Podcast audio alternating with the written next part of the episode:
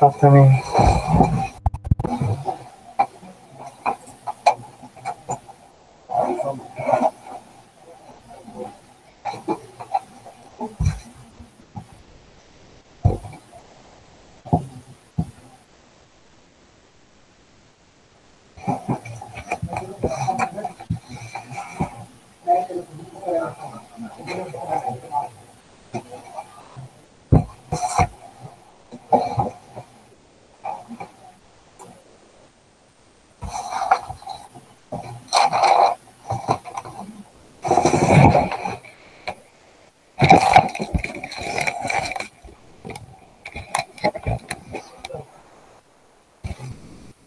السلام عليكم ورحمة الله وبركاته.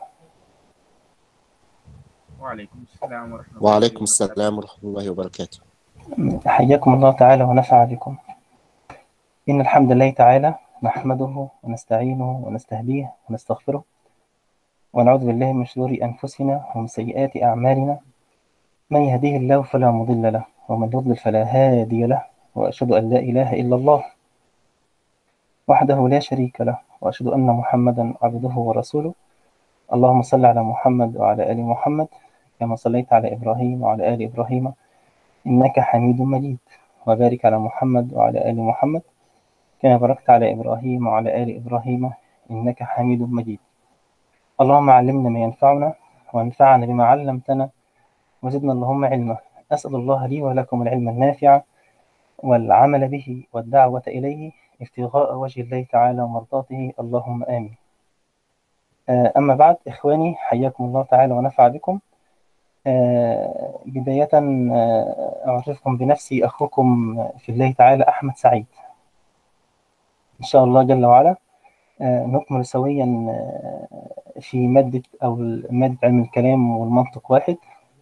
إن شاء الله تعالى فنسأل نسأل الله جل وعلا العون والتوفيق والسداد.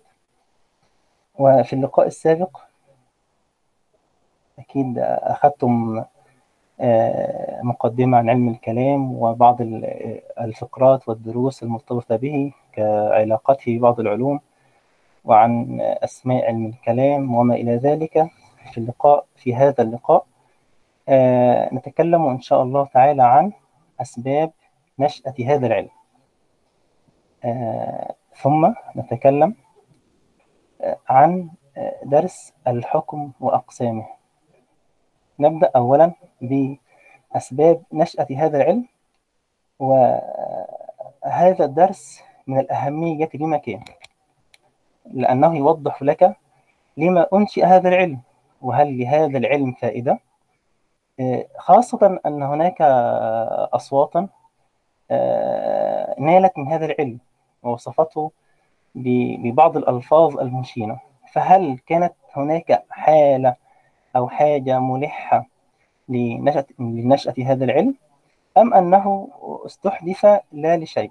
بداية آه، أذكر حضراتكم بتعريف هذا العلم حتى يكون الكلام عندما أقول لكم علم الكلام فيكون عندكم صورة ذهنية آه، مطابقة لمعنى هذا العلم حقيقة. فعندما تسمع لفظة علم الكلام تعرف معنى علم الكلام. أولا كما في اللقاء خاصة في اللقاء السابق فمهما حتى لو أطيل الكلام فألفاظ العلماء مهما تباينت واختلفت في تعريف هذا العلم إلا إنها كلها مالها تكاد تتفق على معنى واحد وهو نصرة الآراء الدينية والعقائد الإسلامية والدفاع عنها بالعقل واضح؟ يبقى كلها تتفق على هذا الإيه؟ على هذا الأمر تمام؟ ثم إنه لما كان الدفاع عن العقيدة الإسلامية لا سبيل إليها أو إلى ذلك ولا يتأتى الدفاع هذا الدفاع إلا بعد بيان العقيدة وإثباتها بالدلائل والبراهين العقلية إذا هذا يوضح لك ماذا؟ يوضح لك ماذا؟ أن مهمة هذا العلم بإيجاز شديد قائمة على محورين رئيسيين الأول هو بيان العقائد الإسلامية والبرهنة والبرهنة على صدقها بماذا؟ بالأدلة اليقينية بالأدلة العقلية وبالأدلة وبالأدلة اليقينية يبقى أول وظيفة هي الإثبات والبيان والتوضيح والتقرير للعقائد الإسلامية الوظيفة الثانية هي الرد على الشبهات والشكوك التي توجه إليها إلى ماذا؟ إلى العقائد من خصومها يبقى الوظيفة الأولى تأسيسية تقريرية. الثانية مهمة دفاعية مهمة دفاعية. لذلك كما علمتم في اللقاء السابق أن علم الكلام بماذا عرفه ابن خلدون؟ قال هو علم يتضمن الحجاج الدفاع عن العقائد الإيمانية بالأدلة العقلية والرد على المبتدعة المنحرفين في الاعتقادات عن مذاهب السلف وأهل السنة. هذا أهم قيد. كل من حرف عن عقائد أهل السنة والسلف وظيفة علم الكلام أن يرد عليهم وأن يزيف شبهاتهم وشكوكهم. تمام؟ يبقى عرفنا مهمة هذا العلم. واضح الكلام؟ تمام كده؟ طيب إذا الباحث في هذا العلم لابد له من شرطين يعني أنا كباحث في علم الكلام أم أو أسلافنا العلماء الأكابر المتكلمون كان متوفر كان متوفر كان متوفر فيهم شرطين تمام؟ الأول هو أن يبدأ عقيدته من كتاب الله تعالى وسنة نبيه محمد صلى الله عليه وسلم. واضح الكلام؟ أي أن لابد وأن تكون قضاياه إيمانية. مسلم هو مسلم لها بوجودها أولا من ماذا؟ من الدين من الشرع الحنيف. يبقى نقطة الانطلاق عند المتكلم هي الدين هي النص الكتاب والسنة. الشرط الثاني أن يكون هدفه وغايته من دراسة هذا العلم هي الدفاع عن هذا الإيمان الذي هو عنده بالعقل وبالأدلة اليقينية التي لا تقبل شك ولا ارتياب واضح الكلام؟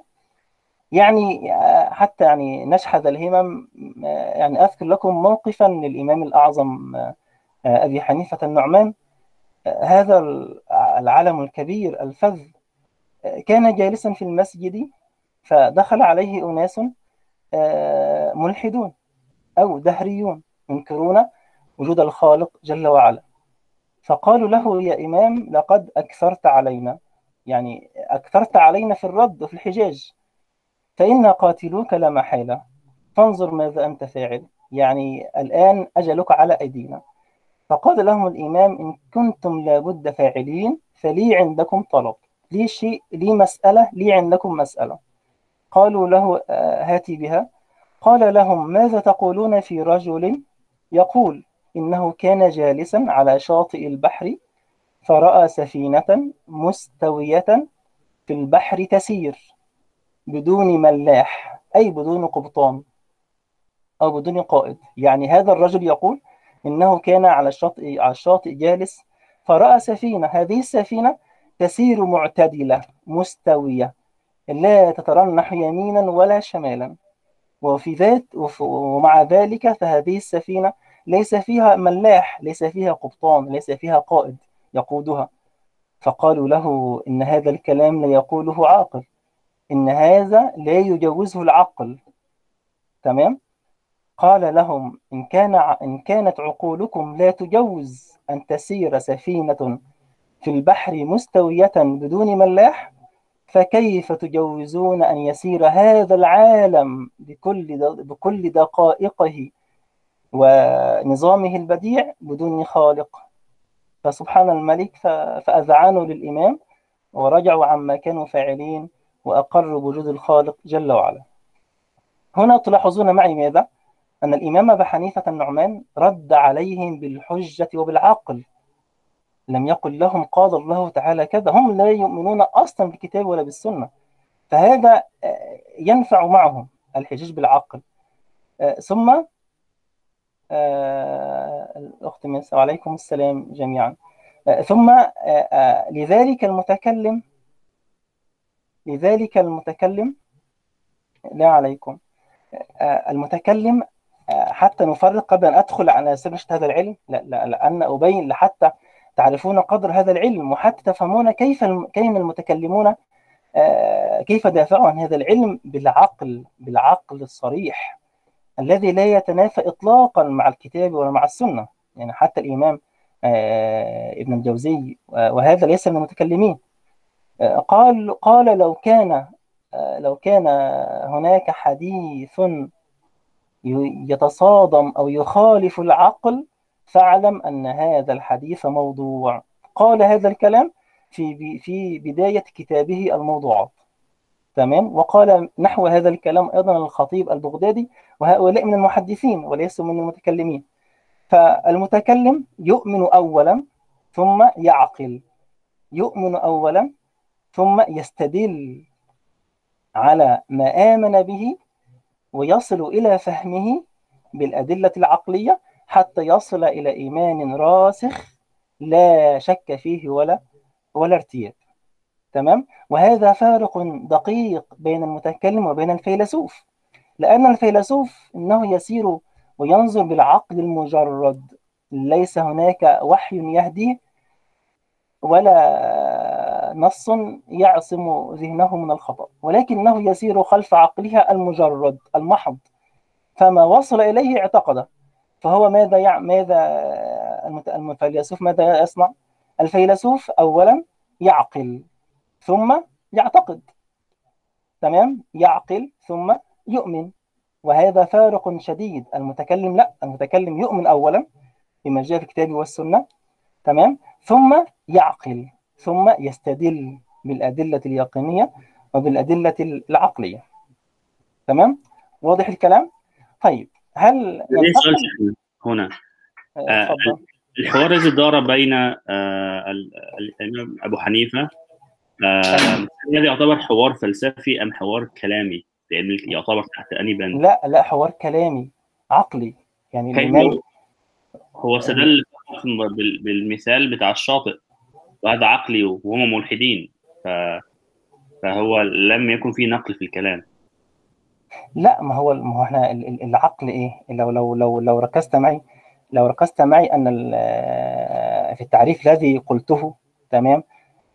ماذا قلت أنا؟ قلت هو علم يتضمن الحجاج عن العقائد الإيمانية بماذا؟ بالأدلة العقلية. دي العقلي. بل أزيدك أنا. عندما الأعرابي تعرفون قولته المشهورة التي في الكتب ماذا قال؟ قال الأثر يدل على المسير الأثر في الرمال في الصحراء أثر الأقدام. الأثر يدل على المسير. والبعرة أعزكم الله رواث البعير. والبعرة تدل على البعير. تمام؟ ألا تدل سماء ذات أبراج وأرض ذات فجاج على العليم الخبير؟ بالعقل. وإن شاء الله يأتي معنا في المحاضرة لعلها الثالثة أو الرابعة. في المنطق لما نتكلم هناك دلالة تسمى بالدلالة العقلية. دلالة عقلية اللي هي دلالة الأثر على المؤثر. يعني ماذا؟ يعني قول الأعرابي لما عندما قال الأثر أثر المشي يدل على المسير. كان هناك أحد يسير. البعرة أعزكم الله تدل على أنها كان هناك بعير يسير في هذا المكان. سمى دلالة ماذا؟ دلالة عقلية. يعني بالعقل كده تمام؟ هذا يدل على أن هناك شيء يعني بالعقل أن السفينة لا تسير وحدها. واضح الكلام؟ ولا تنسى أن أن الفلسفة تشترك مع المنطق تمام مع عذر مع علم الكلام. أن الفلسفة والعلم الكلام يعني تناول المسائل يعني كثير من المسائل المشتركة بينهم. يعني كإثبات وجود الله جل وعلا وكالبعث وعلاقة الخالق بالكون وما إلى ذلك إلا أن يعني مسائل وكل من المتكلم والفيلسوف يستخدم عقله إلا أن الفيلسوف ليس هناك وحي يعصمه أو يمسك من لجام عقله. تمام؟ أما المتكلم ماذا يصنع؟ يستخدم العقل أيضا ولكنه في ظل إيه؟ في ظل الشرع. لذلك كما قال الغزالي رحمه الله في كتاب الاقتصاد في الاعتقاد العقل مع الشرع نور عذرا العقل مع الشرع نور على نور. أما الفيلسوف كلام عقلي ولكنه إيه؟ عقل محض. لذلك عندما نأتي بإذن الله في لعل المحاضره القادمة عندما نتكلم عن مناهج المعرفة عند عند البشرية. تمام؟ من مناهج المعرفة عند البشرية يعني المنهج لو لو سئلت عن منهج المتكلمين إيه؟ أو منهج علم الكلام إيه؟ هو استخدام النقل مع العقل. واضح؟ أما الفلسفة تمام؟ ماذا كان منهجه هو استخدام العقل المجرد. واضح الكلام؟ نعم دكتور واضح. عندي سؤال لو سمحت. تفضل. هذا الموضوع والطريقة هذه يتعامل معها مع بس الملحدين الذين لا يفقهون عن الدين شيئا ولا يؤمنون بالأدلة والأصول والأحكام. فقط صحيح أم أن المسلمين دعوتهم للمؤمن وغير المؤمن. لا هذا أحسنت إن هذا تستعمل تستخدم مع من؟ مع الملحدين أو غير المؤمنين. ولكن يعني أنا يعني هذا الأمر يعني هذا علم الكلام يعني إن, إن كان هناك بعض الناس يقول ليس لها حاجة ولكني أنا أقول بملء الفية أننا نحتاج في هذا الوقت إلى تثبيت الإيمان في قلوب المؤمنين. لذلك أذكر أحد الأساتذة عندنا في جامعة الأزهر سأله طالب قال أريد أن أن أن أن أن, أن أسافر لكي أدعو الله جل وعلا في بلاد أفريقيا وما إلى ذلك فقال له يا بني نحن نحتاج إلى تثبيت الإيمان في قلوب المؤمنين واضح الكلام؟ بل أنا أنا جلست مع بعض الشباب يعني أنا طالب عندنا في المرحلة الثانوية لا يكمل 20 عاما عنده أفكار إلحادية ولم يتكلم ولم ينطق واضح الكلام؟ فهذا العلم ينفع للملحد وينفع أيضا للمؤمن لأننا أريد أن أثبت إيمانه. لذلك الإمام الغزالي في كتاب في كتابه المنقذ من الضلال وهذا كتاب رائع. كما تعلمون يأتي معنا بإذن الله الحديث عن منهج الغزالي في المعرفة. تمام؟ الغزالي لما هو كان مؤمنا موحدا بفضل الله جل وعلا ولكنه في كتابه المنقذ ماذا قال؟ قال أريد يقينا لا ارتياب فيه كقول أحدنا الواحد أكبر من النصف واضح الكلام؟ هل هناك نعم. شك أو ارتياب في أن الواحد أكبر من النصف؟ ليس هناك شك ولا لا ارتياب لا أكيد يكون واضح هذا لأنه آه، مسألة الغ- حسابية بحتة بس هناك بعض المواضيع في العقيدة العقيدة لا يستوعبها لا يس لا ي... لا يستوعبها العقل ولا النقل ولا المنطق في أشياء في اعتقادنا وإيمانياتنا وغيبيات نؤمن بها نحن المسلمون في جميع كافة يعني سواء كنا سنة أو جماعة أو سلفيين أو أشاعرة هناك لا أشياء لا عند عند لا عند التحقيق عند التحقيق ليس في ديننا ما لا يستوعبه العقل. تمام؟ هناك فرق يعني آه، عندما نوضح الأمور لذلك علم الكلام يعني آه، علم رائع. لماذا؟ لأنه يعني كما نقول نضع النقاط على الحروف. اولا في ديننا القمة الإيمانية ما هي؟ هي الإيمان بوجود الله جل وعلا. واضح؟ نعم. تمام؟ أنا بالعقل آتي بالأدلة اليقينية. يعني عندما آه، آه، أنا في حجرتي كان عندي كتاب. هذا الكتاب نعم. كان موجودا على المكتب. فخرجت ولكي أصلي في المسجد ثم رجعت فوجدت الكتاب فوجدت الكتاب على الأرض وليس على المكتب. بالعقل نعم. ماذا أقول؟ أقول لابد أن يكون هناك أحد حمل الكتاب ونقله من المكتب إلى الإيه؟ إلى الأرض. الأرض. واضح؟ هذا دليل نعم. عقلي على على ماذا؟ على على لكل أثر مؤثر. لذلك استخدام العقل في إثبات حدوث العالم. لكل حادث لابد له من محدث. واضح أكيد أكيد. آه. ولكن ولكن عندما. العقدية الغير مفسرة التي لا يستوعب لا يستوعبها العقل في أشياء عندنا في الدين. لا. يستوعبها عاد وأمرنا بالسكوت عنها والتوقف. هي أشياء توقيفية نؤمن بأخذ ما أنا أك... أك... أكمل كلامي أنا أكمل الفكرة اولا. يعني نعم. يعني في. الكتاب لابد له من مؤثر تمام؟ أما أنا أما أنا لو دخلت كان أخي آه، نائما على السرير تمام؟ فرجعت فوجدت أخي جالسا على الكرسي. هل أنا أقول في عقلي من من الذي حرك أخي؟ لا أقول ذلك. لماذا؟ لأن أخي متحرك بالإرادة. واضح؟ تمام. فلو قام العقل الصريح على أن الله جل وعلا هو ال- الخالق وعلى أنه الذي أرسل نبيه بالحق ودين الهدى فبالأدلة اليقينية وصار عندي أنا أن الإسلام هو دين الحق فكل ما يخبر به الخالق هو حق. يعني هذه قاعدة يعني هو حق. تمام؟ ما دامت القمة الإيمانية عندي بالعقل قد تقبلها تمام؟ فصار الأمر محسوما عندي. ثم لابد يعني المتوك... المتوك...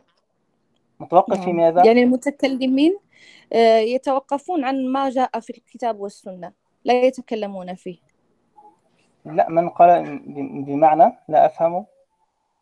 لا من الأمور التي يعني يعني مثلا عندما نستدل على الأمور الغيبية تمام من من من من نعم. من من بعث ومن من عذاب القبر ومن وما إلى ذلك تمام عندما يستدلون هل عندما يستدلون بماذا يستدلون يقولون أن الله جل وعلا هو الخالق ومن أوصاف الخالق ومن كمال الخالق أو الإله القدرة تمام والقدرة مم. هل هل بعث الميت أمر ممكن أم أمر محال؟ ممكن ليس محالا لأن هناك نعم. فرق بين بين استبعاد حصول الشيء وبين استحالة حصوله. يعني أنا أنا عندما أستبعد حصول الشيء ليس دليلا على استحالته. بمعنى أنا كنت يعني لعل أسلافنا كانوا يستبعدون أن يسير أحد على الحبل واضح الكلام؟ ولكن في هذا الزمان ممكنا هذا واضح ونراه برؤية العين يعني إن هناك من يسير على الحبل فهل كان استبعاد أسلافنا لأن يسير أحد على الحبل دل على أنه مستحيل؟ لا يبقى هناك فرق بين الاستبعاد وبين الاستحالة واضح الكلام؟ هنا نحن في ديننا الذي الذي يكون خارج نطاق العقل هي كما نقول يعني مثلا كما قال الإمام الفخر الرازي العقل يوصلك إلى باب الملك يعني أنا بالعقل أصل إلى الاذعان بوجود خالق فبالعقل أصل إلى باب الملك ثم يتركني بعد ذلك ولا يدخل معي إلى حضرة الملك. بمعنى إيه؟ أنا عندما أقرأ في الصفات الإلهية هو الأول بلا ابتداء والآخر بلا انتهاء آه، تقول آه، هذا بالعقل كيف كيف هناك آه، كيف هناك هناك موجود لا أول لوجوده والآخر لوجوده. نقول إنك بعقلك القاصر ماذا فعلت؟ إنك قست صفات الخالق الإله على صفات المخلوق. وهذا هو الكارثة وهذه هي الدهياء هو الذي إيه؟ لذلك العلماء ماذا قالوا في اسم الله القدوس؟ قالوا معنى اسم الله القدوس هو المتنزه عن كل ما يتوهم. ما لاحظوا معي؟ أن أن ال- أن الوهم والخيال ما أتى إلا من المحسوسات التي نراها أمامنا. فأنا رأيت البحر ورأيت الجبال والسماء. فعندما أغمض عيني أتخيل ما ما رايته لذلك قالوا ماذا؟ قالوا الخيال هو الحركة العقل في المحسوسات. فأنت عندما تتخيل أو تتوهم صفات الخالق أنت أنت مخطئ. خطأ كبير. لماذا؟ لأن الخالق لا يتوهم لأنه خالق إله. كيف أنا أقيس صفات الخالق على صفات المخلوق؟ هذا بالنسبة إلى الخالق كمال. تمام؟ وأنا عندما أقيس ما ما غاب عني على ما شاهدته وقعت في خطأ كبير. لأن الذي يقع أمامي محسوسات. لذلك لذلك ماذا قالوا؟ قالوا الله جل وعلا متنزه عن كل ما يتوهم ولا عن كل ما يتوهم وما يتخيل. تمام؟ يعني مثال على العرش. تمام؟ استوى على العرش. تمام؟ استوى على الوجه الذي أراد. تمام؟ هذا هذه طريقة هذه طريقة الكلام. السلف. تمام؟ هذه طريقة السلف. أيوة. تمام؟ هذه طريقة السلف. آه المتكلمون ما ماذا قال المتكلمون. تمام؟ وهذا قال المتكلمون. آه الإما- إمامنا الشيخ آه، تاج الدين آه، ابن السبكي. تمام؟ اللي هو نعم. ابن ابن السبكي. ماذا قال؟ قال في مثل هذه الصفات قال ال- ال- ال- المتكلمون عندهم في المسألة قولان لا ثالث له. القول الأول هو على طريقة السلف أي مقرون به مذعنون به تمام؟ بلا أدنى شك تمام؟ يبقى هذا تمام. استوى على الوجه الذي أراد والله أعلم بمراده جل وعلا. تمام؟ استوى نعم. استواء وفق جل وكماله. ليس هناك لذلك الإمام الغزالي ماذا قال؟ قال ليس هناك قاسم مشترك بين صفات المخلوق وصفات الخالق إلا الألفاظ فقط. يعني يسمى مشترك لفظي تمام؟ يعني اشتراك لفظي فقط. يعني الإنسان سميع بصير الله سميع بصير. إيه إيه إيه المشترك؟ في اللفظ فقط. هذا في اللفظ سميع هذا في اللفظ سميع أيضا. ولكن هل هناك في المعنى في وجه شبه؟ ليس هناك أدنى وجه شبه. لذلك الله جل في سورة الإخلاص ماذا قال؟ قل هو الله أحد. ومعنى ما معنى كلمة أحد؟ الواحد هو هو الذي لا ثاني له. لا ثاني له ولا ولا شريك له. أما الأحد ما معنى كلمة أحد؟ الأحد هو الذي لا نظير له ولا مثيل له ولا شبيه له. كذلك صفات المخلوق صفات الله عذرا. الله جل سبحانه جل وعز. صفات الله جل وعلا لا نظير لها. لا مثيل لها. تمام؟ لذلك الإمام القرطبي قال الأحدية توحي ويفهم منها أن الله جل وعلا وجوده مغاير تماما لوجود خلقه. واضح الكلام؟ فالمتكلمون قالوا على الوجه الذي أراد. تمام؟ ثم قالوا هناك رأي آخر. تمام؟ ماذا الرأي الآخر؟ قالوا هناك بعض المسلمين وهذا عامة المسلمين وهذا أقولها بصدق عن واقع. عامة المسلمين تمام؟ لا يسلمون من التجسيم ولا التشبيه. ليس عنده الملك إلا الذي هو جالس على كرسي أو على عرش وحوله وحوله وحوله من الحاشية ما حوله تمام؟ فعندما يسمع استوى على العرش يأتي بباله استواء كالملوك كأحد ملوك الدنيا.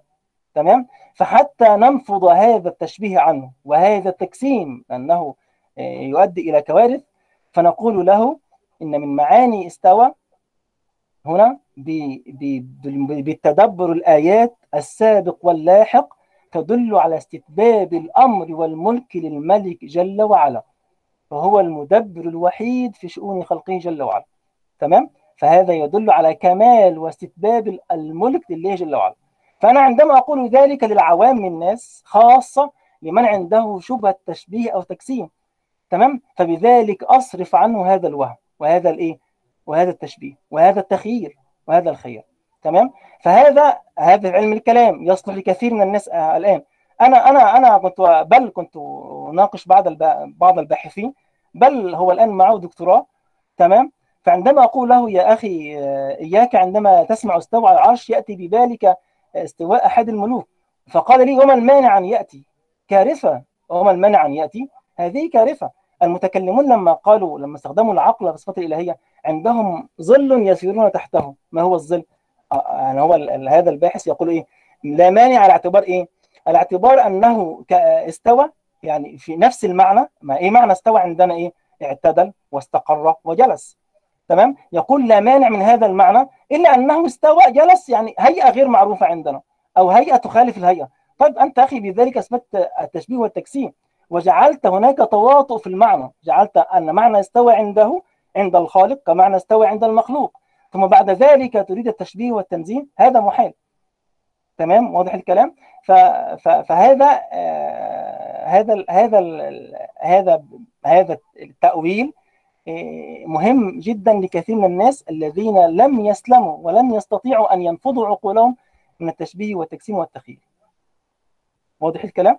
فالمتكلم نعم واضح فالمتكلمون يعني حتى نفهم للأسف يعني نشر عنهم كلام لا يقولون يقول أنتم أو لا نعم عشان كذا سألتك عشان الكلام اللي نشر عنهم عشان أتبين الحقيقة من, من المصدر أحسنت أحسنت قولا. يعني ومن وأنا وما, وما أريد من هذا الكلام من هذا الجلسة نتقبلها هو شحذ الهمم على الإقبال على هذا العلم بكل همه عاليه إن شاء الله بإذن الله.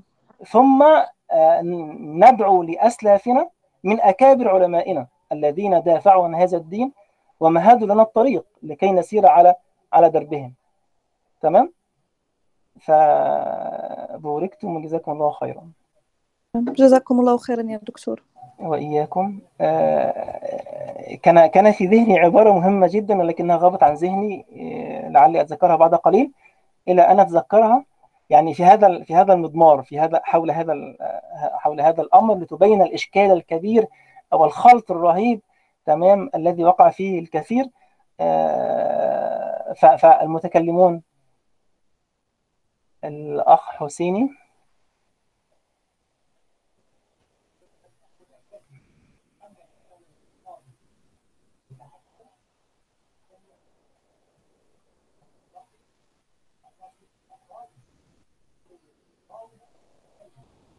أحسنت. أحسنت الأستاذ حسين. يعني أحسنت وأجدت وأجملت. تمام؟ يعني أحسنت وكلامك هذا بيان لكلام الإمام الفخر الرازي. العقل يوصلك إلى باب الملك. تمام؟ ولا يدخل معك.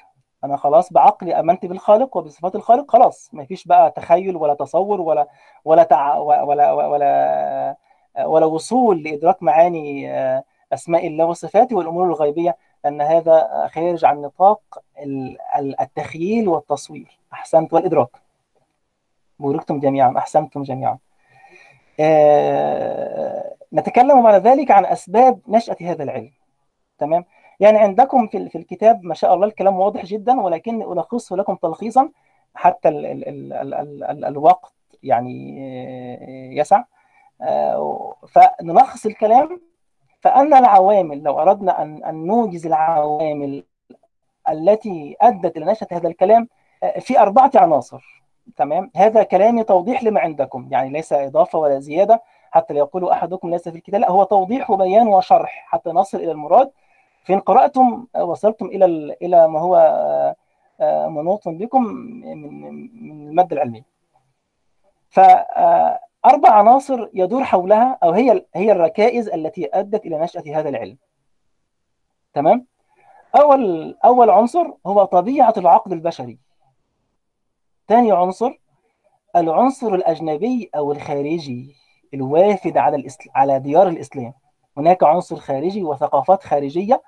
تمام؟ بعد الفتوحات دخلت على على ديار الإسلام. تمام؟ العنصر الثالث النص الديني نفسه. النص الديني نفسه تمام؟ من الكتاب ومن ومن السنة. ورابع حاجة عوامل سياسية. لها صلة وطيدة بالنص الديني وأدت إلى نشأة الفرق الإسلامية. يعني آخر عنصر يوصل بنا إلى الفقرة الثانية من المحاضرة هي نشأة الفرق الإسلامية. يبقى أول فقرة نشأة أسباب نشأة علم الكلام ثم نشأة الفرق الإسلامية وهذا كله متداخل مع بعضه البعض. أولا العقل البشري يعني لو لو نظرتم يعني هذا هذا مشاهد وهذا الكل يعني يقف عنده. بل يجد هذا من نفسه يعني أن العقل الإنساني يجد نفسه أمام أسئلة ملحة لا يستطيع أن يدفعها عن نفسه يعني ولا يملك إلا أن يفكر فيها وأن يسعى إلى تقديم حل لها. يعني من هذه الأسئلة ما أصل هذا العالم؟ وما علته؟ وكيف وجد؟ وهل الإنسان مجبر أم مختار؟ طب ما هي النفس وما هي الروح وما علاقتهما إن كان بينهما تغاير يعني بالبدن تمام؟ وهل بينهم علاقة وبين البعث؟ وهل البعث بالجسم أم بالنفس فقط؟ أم بهما معا؟ إلى آخر هذه الأسئلة. ما ذكرته من أسئلة؟ علم الكلام تناولها. تمام؟ وأتى بأجوبة شافية عنها تحت ظل الشرع الحنيف. تمام؟ يبقى كل هذه الأسئلة من شأنها تمام أن يدفع العقل البشري إلى إيه؟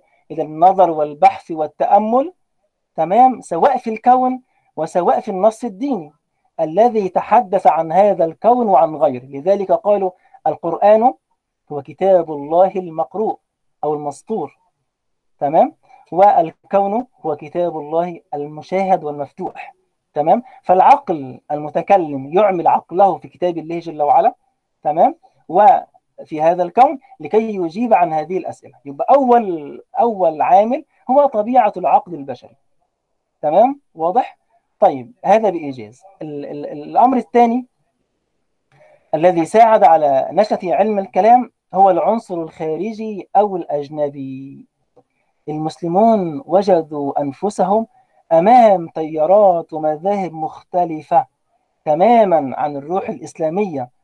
بعض هذه التيارات والمذاهب ديني وبعضها غير غير ديني. وهذه التيارات أثارت مناقشات وقدمت حلولا لبعض المشاكل. يعني هذه ما قلناه من بعض الأطروحات والأسئلة. هذه التيارات جاءت بأجوبة تمام؟ ومشكلات أخرى. ثم كما هو في الخلافة في الخلافة الإسلامية الراشدة وبعد ذلك الخلافة الأموية ثم العباسية كان هناك حرية في التعبير عن الرأي وفي وفي هناك تربة خصبة. تمام؟ لتبادل الأفكار وعرض الأفكار وما إلى ذلك تمام؟ فلما دخل لما انتشر لما البلاد الإسلامية اتسعت رقعتها وكانت هناك فتوحات إسلامية دخل وفد على ديار الإسلام فلاسفة أو الفلسفة اليونانية. هذه الفلسفة اليونانية انتقلت إلى البيئة الإسلامية وفرضت وجودها يعني وجود وبقوة وأثرت أبلغ الأثر تمام؟ ليه؟ لأن الفلسفة اليونانية قد تناولت هذه الأسئلة تمام؟ إلا أنها أتت بأجوبة مخالفة تماما لهذا الأمر. ثم إن هناك بعض العلماء المسلمين تأثروا من هذه الفلسفة. يعني كالإماء كال... كال... كال... من الفلاسفة الإسلاميين ابن سينا ومن قبله الكندي والفارابي تمام؟ ثم ابن رشد. تمام؟ هؤلاء تأثروا بالفلسفة اليونانية أيما تأثير تمام؟ ثم أخذوا يلفقون ويوفقون بين الشرع بين الشريعة والفلسفة تمام؟ فهذا أدى إلى خلط وإلى خطأ كبير تمام؟ فلو سكت المتكلمون أمام هؤلاء الفلاسفة الإسلاميين الذين تأثروا بالفلسفة اليونانية لكان هناك لكان للبسوا على الناس تمام؟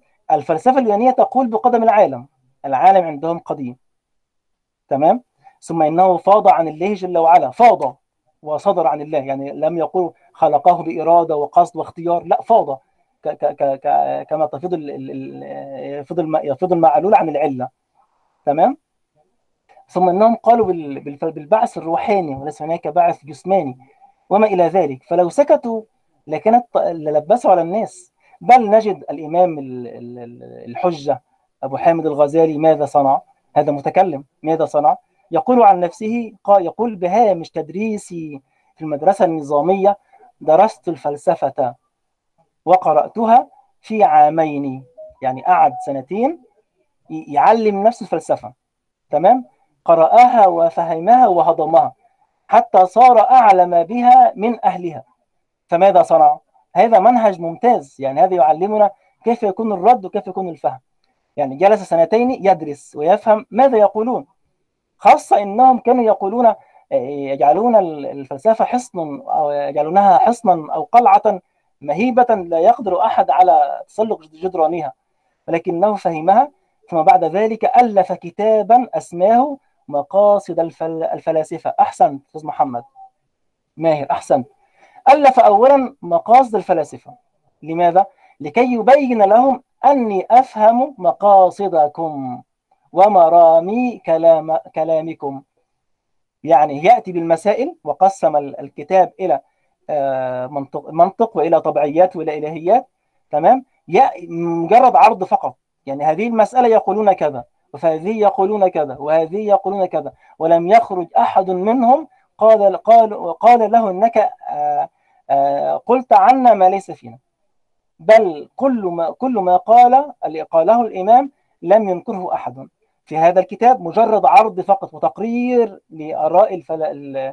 الفلاسفة في هذه الإيه في هذه في هذه المشكلات المعضلة. ثم ألف بعده كتابه تهافت الفلاسفة كما قال أخوكم محمد. يبقى الترتيب الأول المقاصد. هذا عرض وتقرير فقط. ثم أتى بتهافت الفلاسفة. هذا كتاب نقدي بقى. تمام؟ ف... ففي هذا الكتاب بين ما ضلوا وأضلوا فيه فبدعهم في سبع عشرة مسألة وكفرهم في ثلاثة مسائل أو في ثلاث مسائل تمام؟ الأولى قدم العالم طبعا المسلمون والكتاب والسنة كيف يكون العالم قديم؟ في في السنة الله كان ولم يكن شيء غيره الله كان ولم يكن شيء قبله الله كان ولم يكن شيء معه كيف يكون العالم قديم؟ تمام؟ ال ال ال ال ال الأمر الثاني أنهم أنكروا حشر الأجساد وقالوا بالأرواح فقط. الأمر الثالث أنكروا علم الله بالجزيئات. الله لا يخفى عليه شيء سبحانه جل وعلا. هو اللطيف الخبير. تمام؟ فهم قالوا الله لا يعلم إلا الكليات الأمور. أما الجزئيات والدقائق هذه لا يعلمها. فقال الإمام هذه المسائل لا مناص من تكفيرهم فيها. أنهم أنكروا هذه الإيه؟ قالوا بهذه المسائل. ثم بدعهم في باقي في سبع عشرة مسألة. واضح الكلام؟ هذا آه أسلوب متكلم. رائع ممتاز. بين آه ما عندهم من قول ثم بين ما عندهم من زيف وتلبيس وما وما لبسوا به على عقول الناس. واضح الكلام؟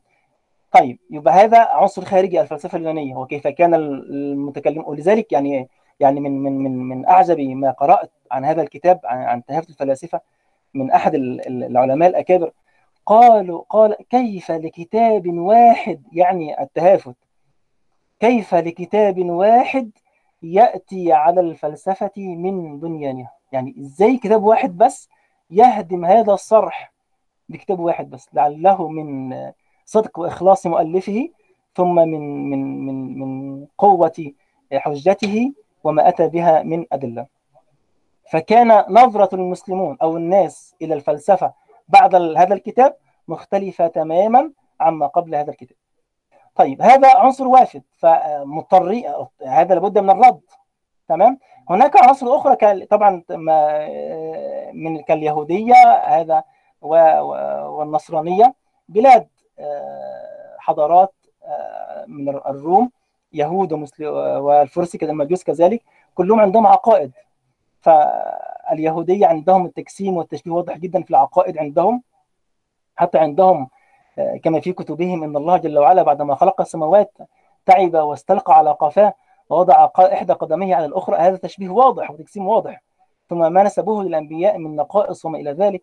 ثم النصارى وما فيها من بالتثليث وقول بصلب بالصلب وما, وما إلى ذلك. واتحاد اللاهوت بالناسوت. كل هذا مخالف تماما للروح الإسلامية. فكان لابد فكان لابد لعلمائنا لذلك تجد في كتاب المتكلمين ماذا كانوا يصنعون؟ تجد في كتبهم فصلا عن النصرانية فصلا عن اليهودية كما فعل الإمام الباقلاني فعل ذلك وكما فعل الجويني رحمه الله في كتابه الشامل في أصول الدين.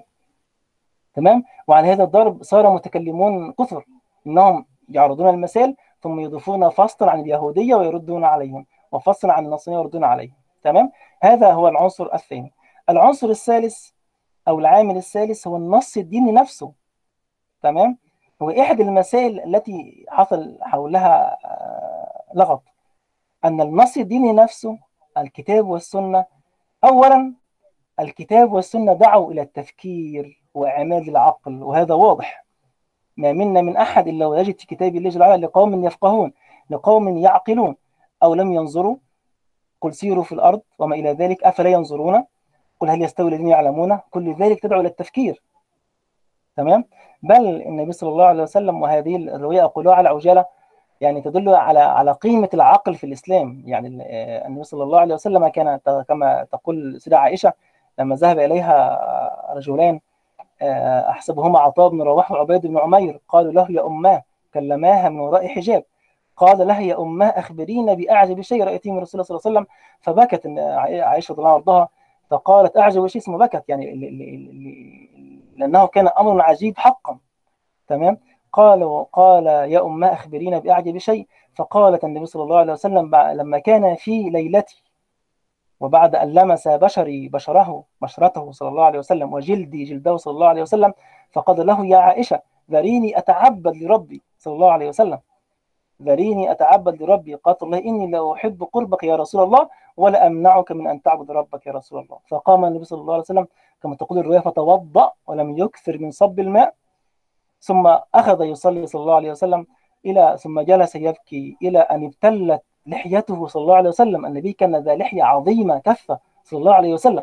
تخيل ما هي الدموع التي أدت إلى أن التي انهمرت وجعلت اللحية, اللحية ابتلت من هذه الدموع ثم البلل صار إلى حجره الشريف صلى الله عليه وسلم ثم صار البلل إلى الأرض إلى التراب. فجاءه بلال لكي يؤذنه بصلاة الفجر يا رسول الله. فلما رأى النبي على تلك الحالة يبكي هذا البكاء فقال يا رسول الله أتفعل ذلك وأنت المغفور لك ما تقدم من ذنبك وما تأخر؟ فقال له يا بلال هذا محل الشاهد وهذه الرواية مذكورة في تفسير ابن كثير. قال له يا بلال لقد أنزل علي اليوم آيات ويل لمن قرأها ولم يتدبرها. أرأيتم؟ ما هي الآيات؟ إن في خلق السماوات والأرض واختلاف الليل والنهار لآيات لأولي الألباب الذين يذكرون الله قياما وقعودا وعلى جنوبهم وتفكرون هكذا. الآيات. يبقى هذا أرأيتم؟ يعني النبي صلى الله عليه وسلم بكى ويقول ويل لمن قرأها. وفي رواية كما ذكرنا كثير ويل لمن لاكها بين فكيه ولم يتدبرها. وهذه الآيات آيات كونية تدعو إلى التأمل والنظر في الكون الفسيح. تمام؟ هذا النص ديني يدعوك إلى التأمل. والقرآن كما ذكرنا من آيات وما إلى ذلك. هذه واحدة. طب النص الديني أيضا هناك أمر أدى إلى نشأة علم الكلام. وماذا هو؟ هو أن النص الديني به متشابه ومحكم. واضح الكلام؟ المحكم بإيجاز هو ما دل على معنى واحد. يعني هذه آية محكمة. يعني معناها واحد. لا تحتمل معنى معنى آخر. أما المتشابه هو الذي يحتمل أكثر من معنى. هو الذي يحتمل أكثر من معنى. ومن المتشابه آيات الصفات. يعني كما ذكرت أختكم استوى على العرش. ما المراد بهذه الآية؟ استوى. ما معنى استوى؟ هذا متشابه. يحتمل أكثر من من معنى. وهذا واضح لو رجعتم إلى اللغة من القرآن بلسان عربي مبين راجع كتاب لسان العرب لابن منظور وما إلى ذلك أو أو العين أو المعاجم.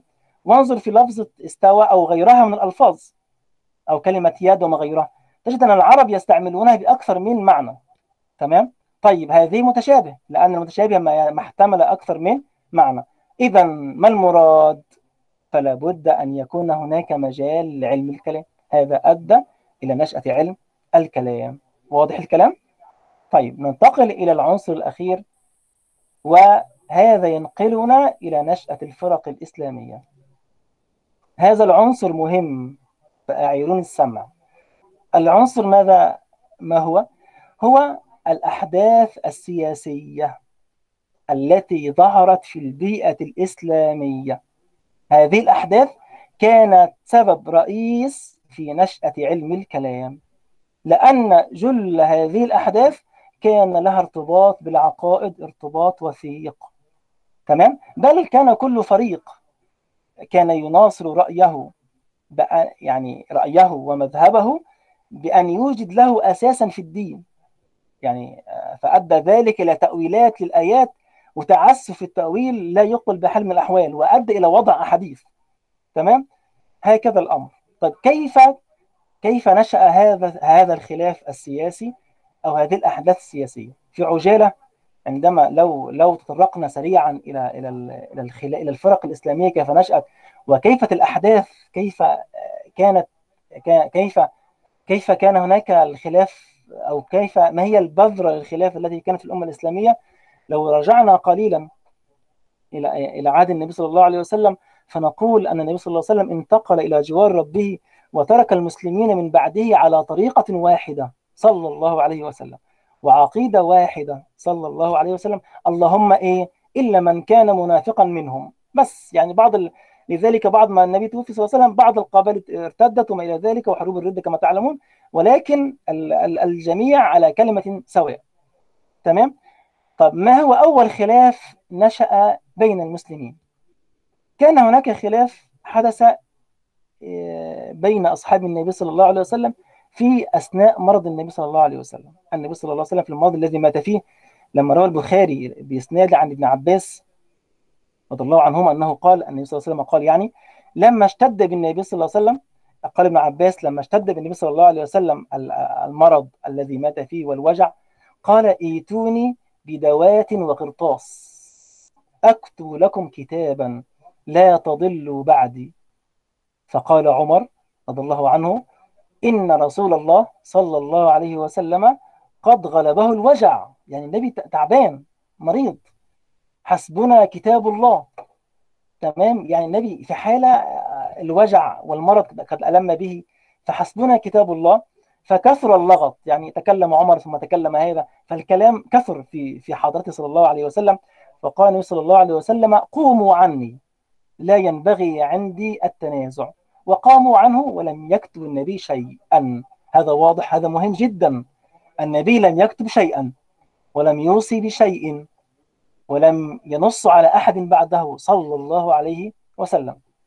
هذا الخلاف الأول. الخلاف الثاني تمام؟ النبي صلى الله عليه وسلم لما مات صلى الله عليه وسلم اختلفوا كما تعرفون القصة. هل مات؟ أم ذهب إلى جوار ربه كما ذهب أم, أم ذهب إلى لقاء ربه كما ذهب موسى بن عمران وما إلى ذلك. أم رفع كم رفع عيسى عليه السلام. فاختلفوا. حتى قال عمر من قال إن محمدا قد مات قطعت عنقه بسيف هذا إلى أن جاء أبو بكر رضي الله عنه وأرضاه فقال قولته الشهيرة من كان يعبد محمدا فإن محمدا قد مات ومن كان يعبد الله فإن الله حي لا يموت. ثم تلا قول الله تعالى وما محمد إلا رسول قد خلت من قبله الرسل أفإن مات أو قتل انقلبتم على أعقابكم. يقول عمر وكأني أسمعها لأول مرة. أرأيت ماذا رأيتم؟ لما اختلفوا أتى أبو بكر بالدليل؟ سكتوا أزعنوا يقول عمر لم تحملني قدمي وسقطت على الأرض. وكأني أسمعها لأول مرة. خلاص القرآن أخبر بأنه يموت صلى الله عليه وسلم. فحسم الأمر ولم يكن هناك خلاف. كذلك اختلفوا في المكان الذي يدفن فيه. تمام؟ فجاء أبو بكر بالدليل. قال سمعت النبي يقول صلى الله عليه وسلم ما قبض نبي قط إلا دفن جسده حيث قبض روحه. في المكان الذي قبض فيه يدفن فيه فالأنبياء يقبرون حيث يقبضون. وانتهى الخلاف. جيل مبارك ما شاء الله. يعني عندما يسمع الدليل خلاص الكل يذعن ويسلم تمام؟ في الإمامة يعني ناتي الإمامة.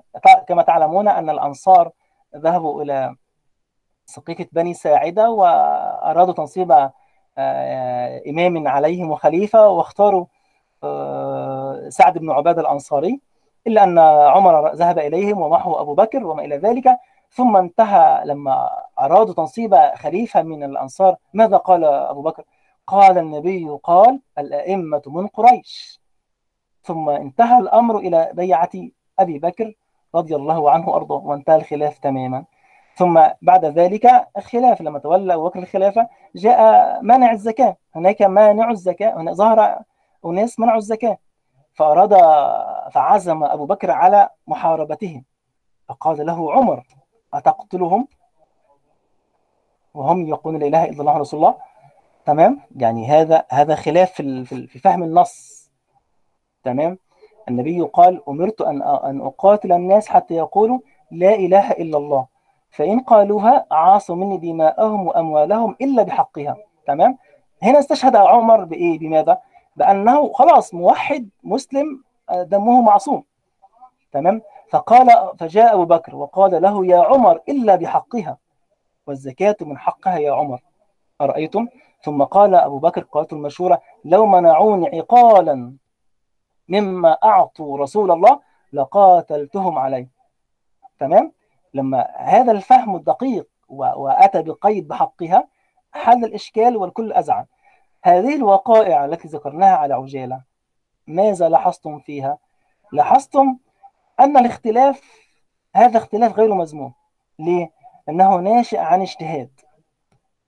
ثم كان سرعان ما يحسم كبار الصحابة هذا الخلاف ويعود الجميع إلى الوفاق كما رأينا.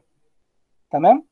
واستمر الحال بدون خلاف في خلافة أبي بكر الصديق رضي الله عنه وأرضاه ثم في خلافة من؟ في خلافة عمر. وعمر كما تعلمون كان شخص شخصية فذة قوية لم يجد الزمان بمثله بعد ذلك.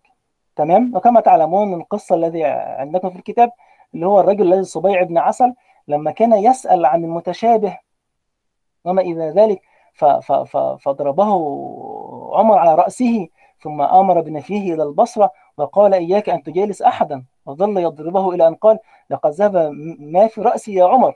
تمام؟ لأنه يبحث عن متشابه. هذا يريد إثارة الفتن. تمام؟ وأيضا السارق التي جاء إلى عمر وقال له لما سرقت؟ قال هذا قدره الله علي. تمام؟ فهذا افترى على الله جل وعلا. تمام؟ يعني هذا تتعذر بالقدر على معصية الله جل وعلا. فقاموا عليه الحد ثم زاد عليه في الجلد وقال اجلدوه لبهتانه وافترائه على الله جل وعلا. تمام؟ فكان عمر قوي الشكيمة حاسما شخصية قوية تخشاه الناس فلم فإذا بذر خلاف إن يعني هذا الخلاف قضي عليه في مهده ولم يستمر. وبعد وفاة عمر تولى الخلافة عثمان رضي الله عنه وأرضاه. وقد مرت السنوات الأولى من خلافة عثمان بدون بدون خلاف خاصة الست سنوات الأول ثم بعد ذلك ظهرت الفتن والقلاقل. ظهرت الفتن وكانت فتنة عظيمة. حمل راية هذه الفتنة وبث النار فيها ابن السوداء هذا اليهودي الذي كان يهوديا من أهل صنعاء ثم أسلم مكية ورياء لكي يعمل على تقويض دعائم الإسلام والنيل من شريعتنا الحنيفة. تمام؟ واستغل عوام الناس. يعني استغل عوام عوام الناس في, في, في هذا الأمر. الذين هم قد بعدوا عن المدينة وعن عن الصحابة وما إلى ذلك. بل أنا آتي إليك برواية في البخاري. أنا عندما لكي تعلم مدى كانت هذه الفتنة. يعني هذا من السوداء وما حوله الذين تولوا عبد الله بن سبأ. أحسنت. عبد الله بن سبأ هو اسمه ابن السوداء. هذه هذه هذا لقبه. اسمه عبد الله سبأ هذا كان يهوديا من أهل صنعاء ثم أسلم مكيدة وأخذ يطعن في الإسلام. تمام؟ وهذا واثاروا بعض الأمور قالوا إن عثمان أتى بأمور وحاد عن نهج الخلفاء من قبله وما إلى ذلك. يكفينا في هذا في هذا في هذه الجلسة وفي هذا المقام رواية واحدة تبين لك كيف كانت اثر الفتنة على الناس وعلى عوام الناس. تمام؟ لذلك العلم مهم يعني الروايه في البخاري تقول الرواية إيه؟ جاء رجل من أهل مصر فقال من القوم؟ يعني أتى على قوم من القوم؟ قالوا قريش يعني جاء المدينة فجاء وجد من القوم؟ قال قريش. قال من الشيخ؟ كان فيهم شيخ جالس بينهم. من الشيخ فيكم؟ قالوا عبد الله بن عمر رضي الله عنهما يعني عبد الله بن عمر بن الخطاب.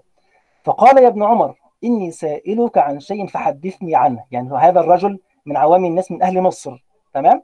عنده ثقافة ومعلومات مغلوطة. اسمعوا ماذا قال. فقال له هل تعلم أن عثمان فر يوم أحد؟ قال نعم. انظروا إلى جواب عبد الله. يعني هو وصله هل تعلم أن عثمان فر يوم أحد؟ قال نعم. فقال هذا المصري فقال تعلم أنه تغيب عن بدر؟ قال نعم. قال هل تعلم أنه تغيب عن بيعة الرضوان قال نعم. ماذا قال هذا المصري؟ قال الله أكبر ظهر الحق الذي الذي يريده. يعني سبحان الملك. يعني هذا الرجل الذي وصلته معلومات مغلوطة كأنه إيه وجد بغيته. قال الله أكبر. تمام؟ فقال له عبد الله بن عمر تعال أبين لك يعني رايح فين؟ أنت خلاص الإجابة مش ليست كاملة. تعال أب... تعال أبين لك. أما فراره يوم أحد فأشهد أن الله عفى عنه وغفر له.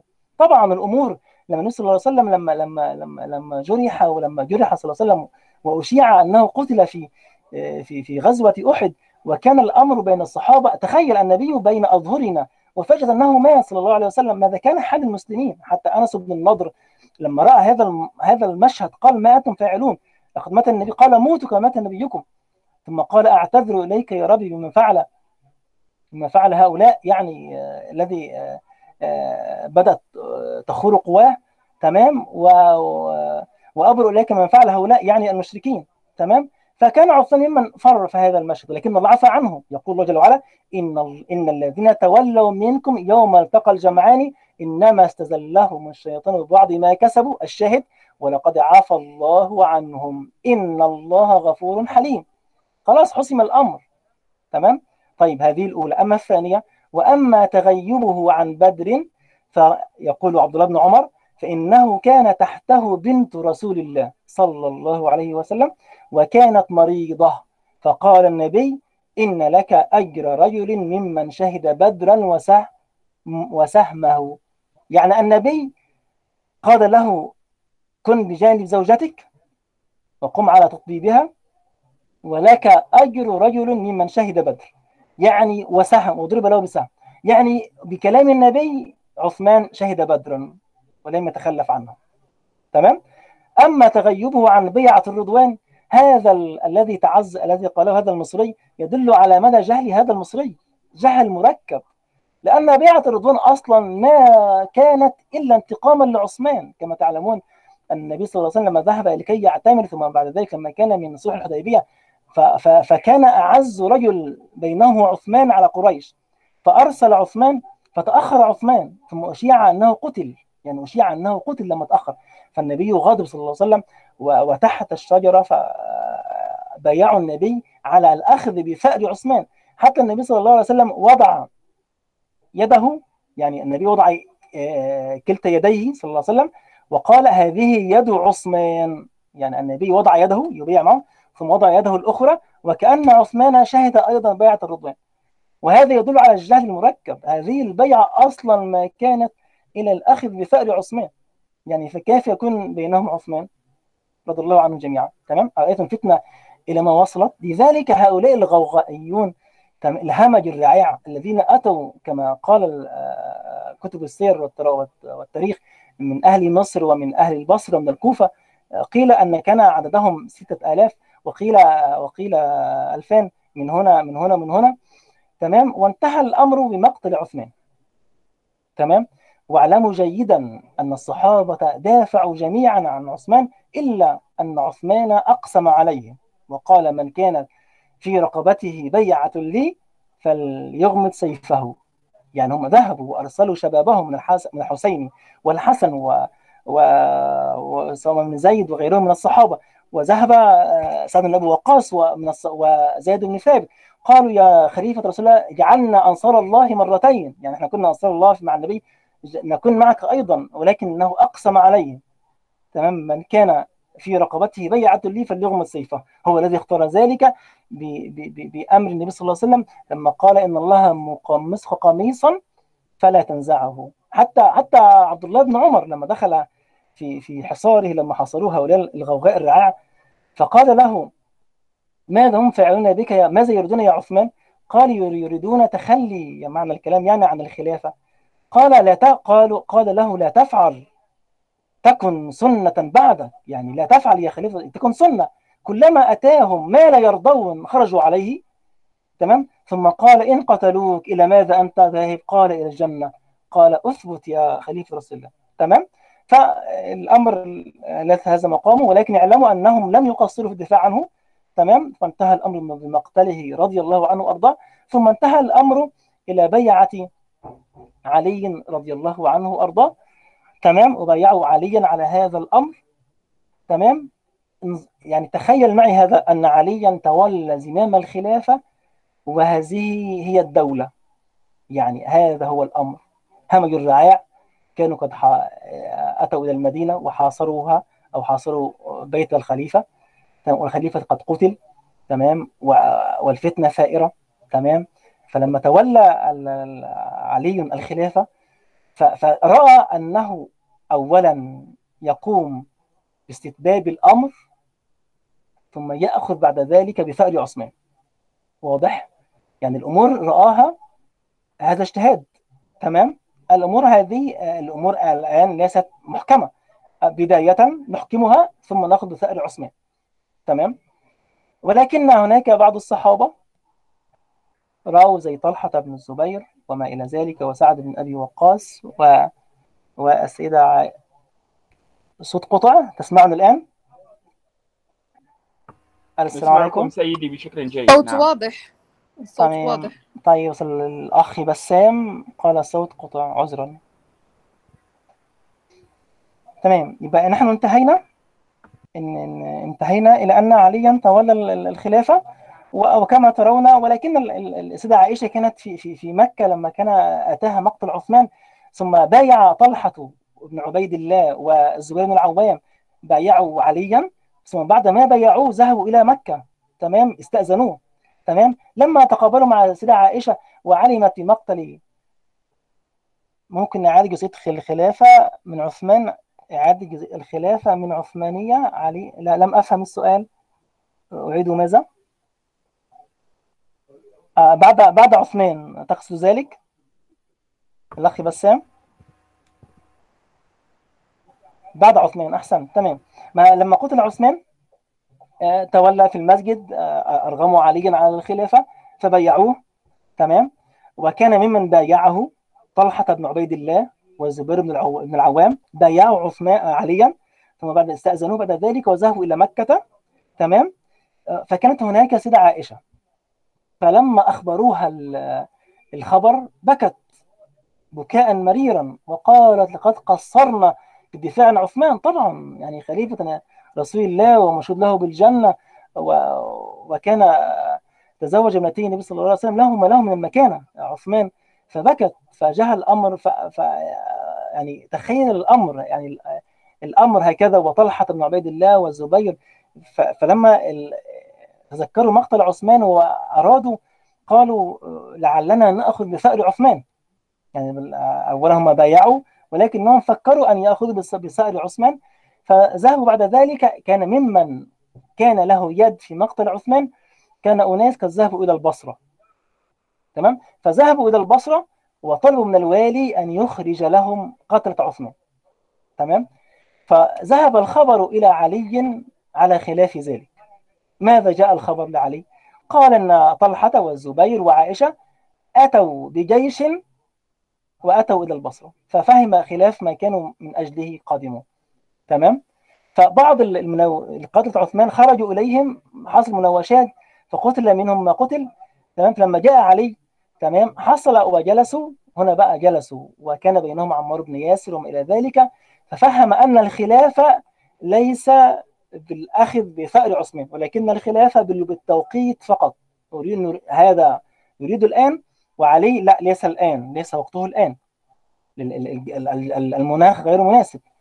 وانتهى الأمر إلى التصالح وإلى إيه؟ وإلى آه انتهاء الأمر وبعد ذلك يرجع جيش آه طلحة والزبير وعائشة وعلي يرجع وما إلى ذلك وينتهى الأمر على ذلك. وباتوا ليلتهم بأهنأ ليلة إلا أن مثير إلا أن مثير الفتنة من ابن السوداء من عبد الله بن سبأ وأتباعه ما عجبهم الأمر. يعني قالوا بهذا الأمر انتهى ما كنا نعمله.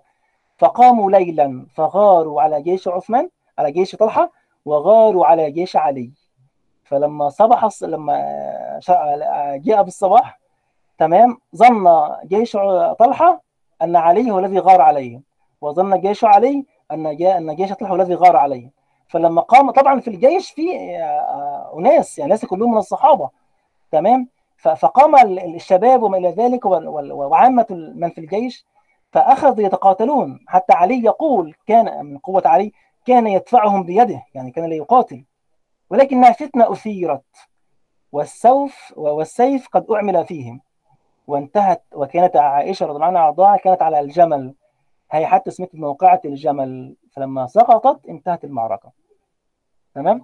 وقتل في هذه المعركة أكابر الصحابة من طلحة بن عباد الله والزبير بن العوام. وكان هذا فاجعة وكان يبكي عليا وكان يدفنهم ويبكي على هؤلاء وهؤلاء تمام؟ وكان يقول ليتني مت قبل ذلك. وما إلى ذلك. سيدنا عائشة أخذت تندم على هذا وقالت ليتني لم آتي يعني ما كان نيته إلا خير تمام؟ ولكنها الفتنة تمام؟ هذا هذا هؤلاء غاروا عليهم ليلا وهؤلاء غاروا ليلا فظن القوم أن أن أن هذا نقض عهده وهذا نقض عهدهم إلى ذلك. ثم بعد ذلك هؤلاء انتهى هذه معركة الجمل. ثم جاء بعد ذلك معركة الصفين كانت هذه بين من؟ بين علي رضي الله وأرضاه وبين معاوية. معاوية كان في الشام. كان قد ولاه عثمان على الشام ومات وكان وليا عليها. فلما جاءه مقتل عثمان ماذا فعل معاوية؟ بكى بكاء مريرا. حتى بعض الروايات تقول أن نائلة زوج عثمان أرسلت خرقة بها بعض أصابعها التي قطعها هؤلاء القتلة لما دخلوا على عثمان وكان يتلو كتاب الله فأضربوه بالسيف فكانت تدافع عن زوجها فقطعوا بعض أصابعها بالسيف حتى تقول حتى لما لما ضربوها على يده تقول ويحكم ويلكم هذه أول يد كتبت الوحي تعني تقصد عثمان كان من كتاب الوحي. ماذا أنتم تدافع عن زوجها فقطعوا بعض أصابعها. فكان معاوية من أقارب عثمان من بني أمية فأرسلت إليه إليه الخرقة وفي ملطخة بدمها وفيها الأصابع ثم لما جاء تخيل المشهد أن معاوية أتاه هذا هذا المشهد فقام باكيا في المسجد والكل بكى ببكائه ثم تقاسموا وأقسموا على الأخذ بثأر عثمان. تمام؟ هنا الخلاف بقى.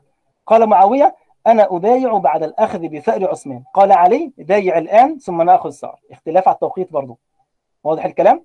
حتى لا يظن أحد أن معاوية كان يريد الخلافة إنه ما أراد الخلافة حتى إنه كان يقول إنه كان أعلم أنه أفضل مني وما نزعته هذا الأمر. حتى لما بكى لما مات عليا علي بكى عليه بكاء مريضا تمام؟ إنه التوقيت يعني وكان وكان معاوية على على قوة يعني كانت الشام كلها تحبه وكانت قوية. فكان يريد أن يستخدم هذه القوة في الأخذ بثأر عثمان. ولكن انتهى الأمر إلى إلى معركة الصفين وانتهى الأمر كما تعلمون بعد ذلك إلى إلى بعد ذلك إلى إلى أن ابن ملجم قتل عليا ثم بعد ذلك تولى الحسن الخلافة ثم تنازل عنها بعد ذلك إلى معاوية رضي الله عنهم جميعا. لضيق الوقت يعني هناك تفصيلات لكن الوقت يسعنا. ولكن أحسنوا الظن بصحابة نبي الله صلى الله عليه وسلم. فهم خير خلق الله بعد الأنبياء. كما قال عبد الله بن مسعود إن إن الله اطلع على قلوب عباده فكان اصفى اصفاهم قلبا. هو النبي هو محمد صلى الله عليه وسلم فاختاره واصطفاه لرسالته. ثم وجد أصحابه فاختارهم لنبيه صلى الله عليه عليه وسلم.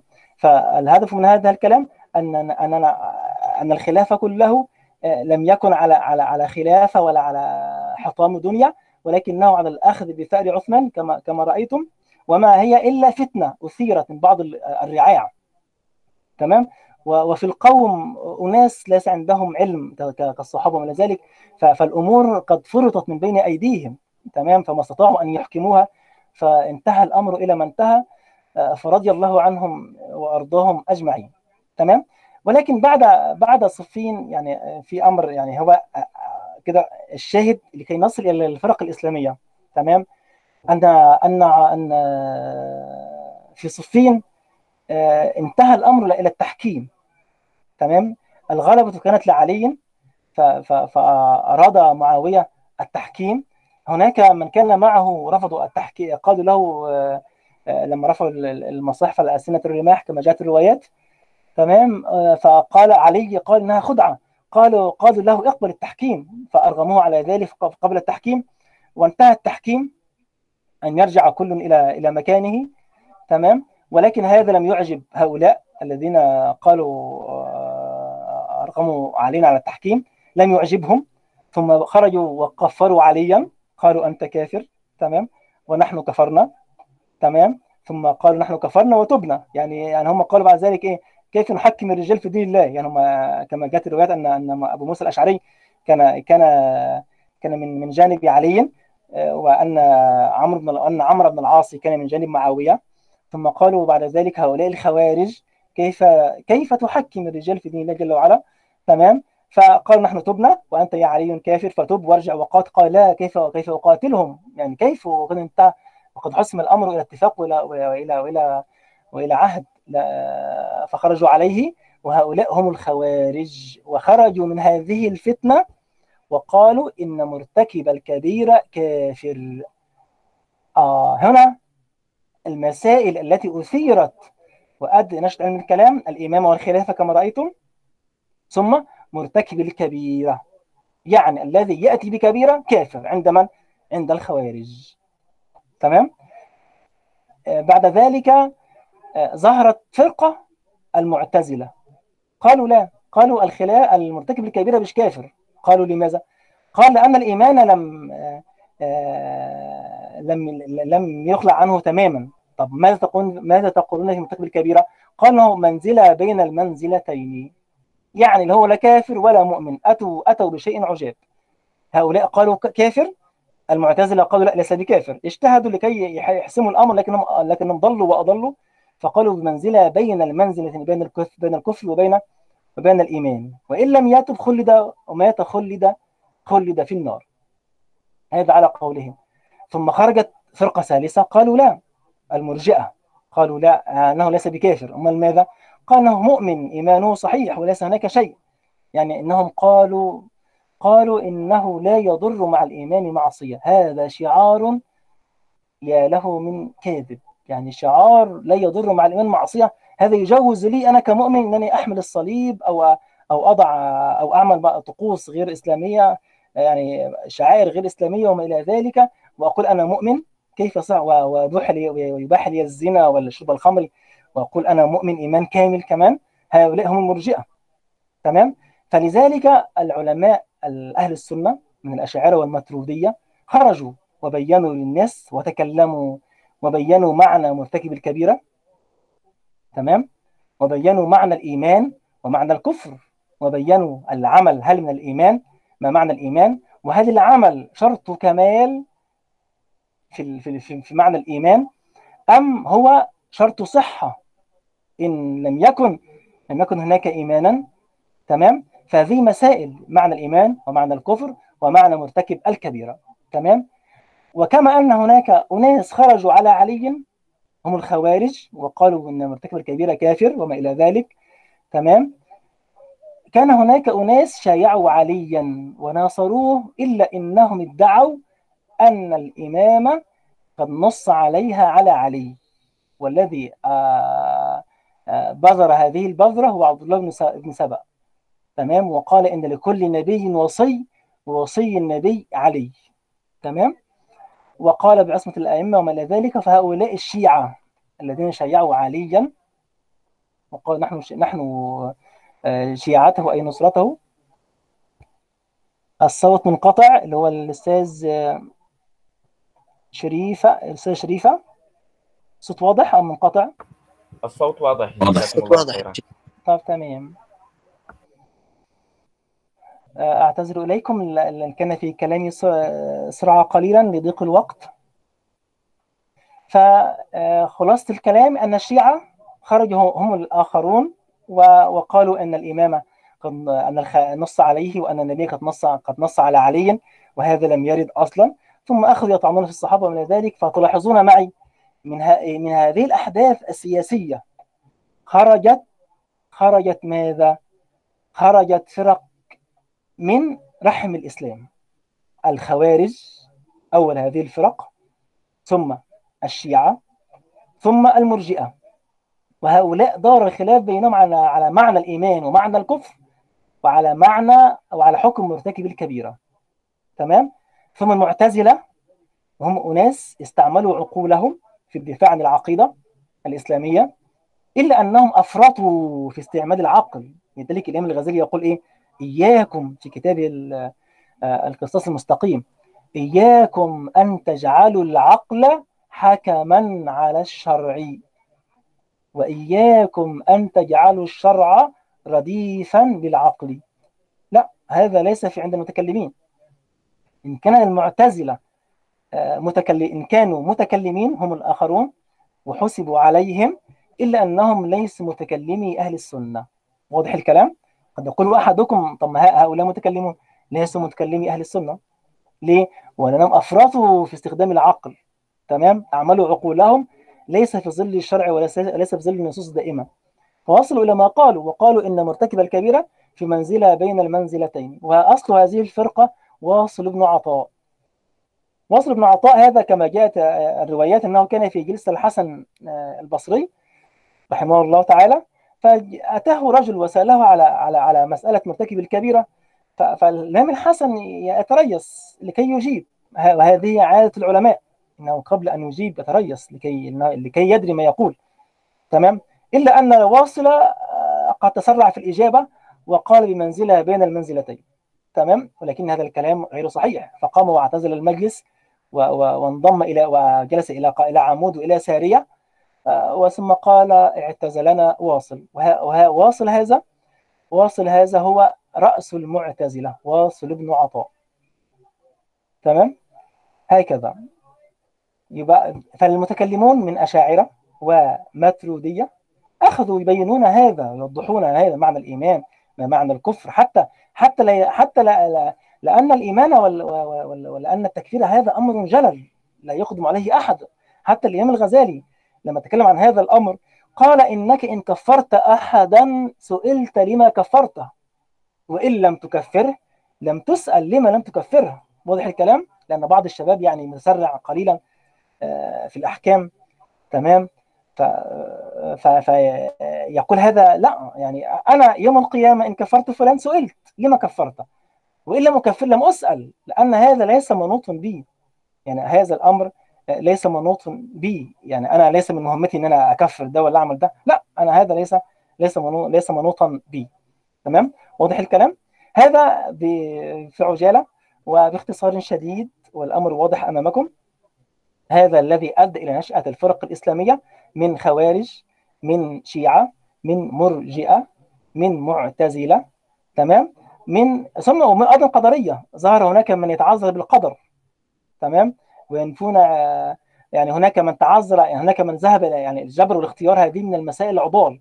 ذهبت فرقة اللي هي الجبرية إن الإنسان عامل كالريشه في الهواء يعني ليس له أي اختيار.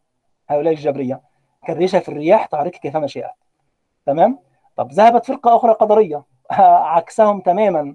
قالوا إن الإنسان حر مطلق في كل أفعاله بل قالوا إن الله لا يعلم الأفعال إلا بعد أن تقع من الإنسان. تمام؟ وهذا وهذا أمر جلل. في الحديث أن أول ما خلق الله القلم قال له اكتب. قال ماذا أكتب؟ قال اكتب ما هو كائن إلى يوم القيامة. يعني كل شيء بقدر عند الله جل وعلا. كيف؟ كيف أنا الآن ألقي محاضرة الخالق جل وعلا لا يعلمها إلا بعد أن ألقيها إلا أو يعلمها إلا بعد أنا إلا أثناء أنا إلقائي لها؟ كيف يعقل هذا؟ أين الكمال الإلهي؟ يعني هذا إذا كان في حق البشر قد يقبل. إلا أن الكمال هذا هذا كمال في حق الإله. إن رأيت هذا الكمال محالا فهذا لقصور عقلك أنت.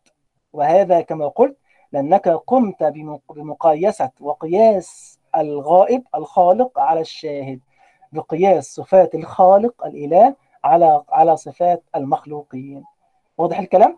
فعلى ذلك فأهل السنة لابد من الدفاع فقامت الأشاعرة والمترودية. نسبة إلى الأشاعرة الإمام أبو الحسن الأشعري الذي كان معتزليا ثم بعد ذلك تبرأ من كل ذلك واعتصم بسنة النبي صلى الله عليه وسلم ودافع عن مذهب أهل السنة أيام مدافعة وهناك مترودية اللي هم الذي كان على رأسهم الإمام أبو منصور المتروديدي وهذان مدرستان. المنهج بينهم اختلاف بسيط وعند التحقيق ليس خلافا. تمام؟ هؤلاء متكلموا هؤلاء متكلموا أهل السنة. الذين استخدموا العقل في ظل الشرع في الدفاع عن العقائد الإسلامية. تمام؟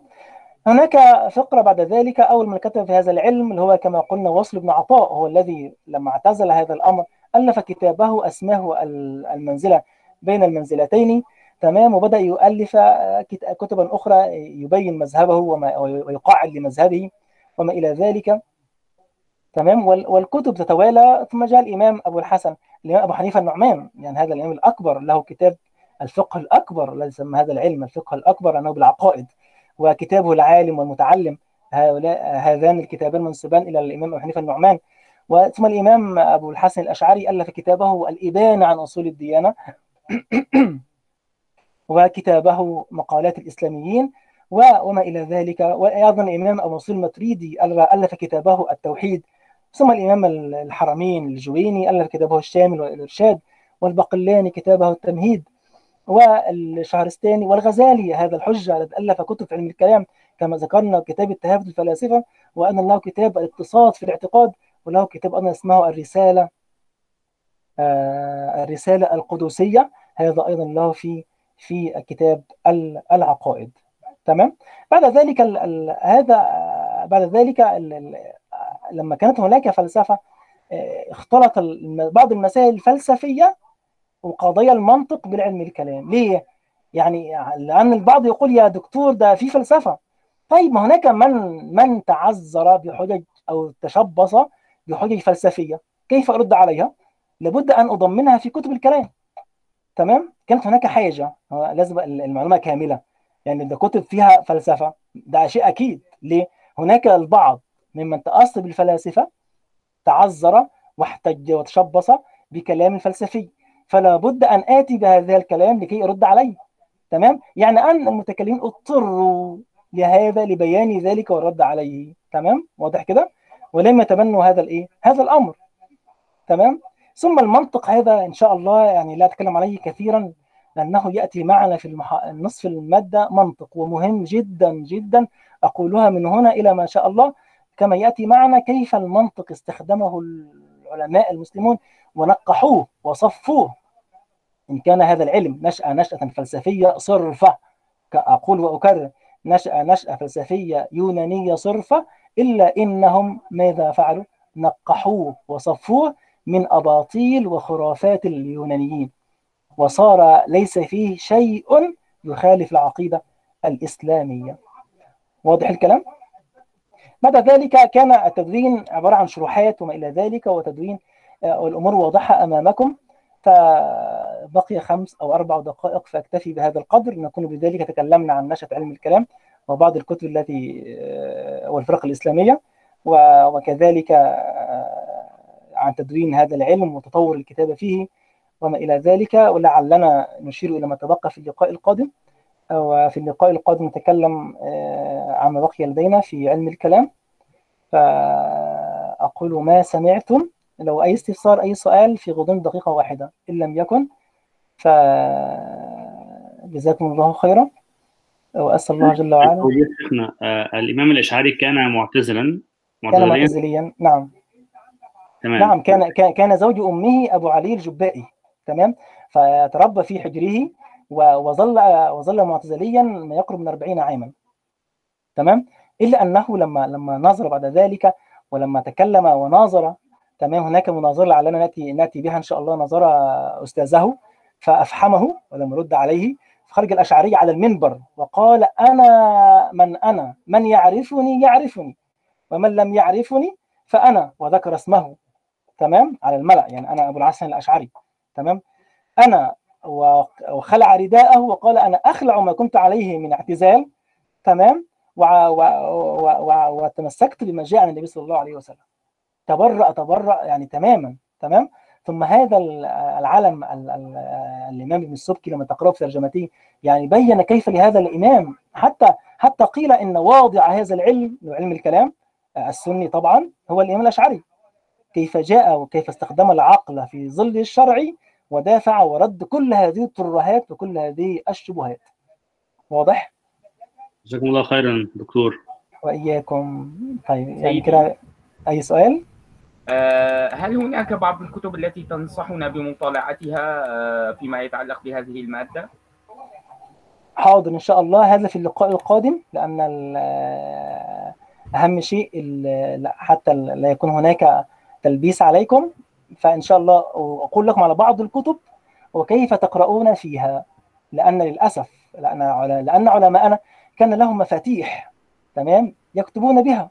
فأنا كطالب علم الآن ليست عندي أنا لا أفهم شيئا. حتى حتى قال بعضهم ما هي إلا طلاسم. يا أخي اتق الله. لا طلاسم لا أفهم. ما أنت لا تفهم شيئا لقصور عقلك أنت تمام؟ لذلك علمونا إنما أقرأ في كتاب أقرأ بلسان حال كاتبه تمام؟ ليس بلسان حالي أنا. واضح؟ إن شاء الله نعم. ذكر ذكرني بهذا الأمر في اللقاء القادم إن شاء الله جل وعلا. إن شاء الله. بارك الله فيكم. جزاكم الله خيرا. سبحانك اللهم ربنا وبحمدك. أشهد أن لا إله إلا أنت. أستغفرك وأتوب إليك. السلام عليكم ورحمة الله وبركاته. وعليكم السلام ورحمة الله وبركاته. بارك الله فيكم.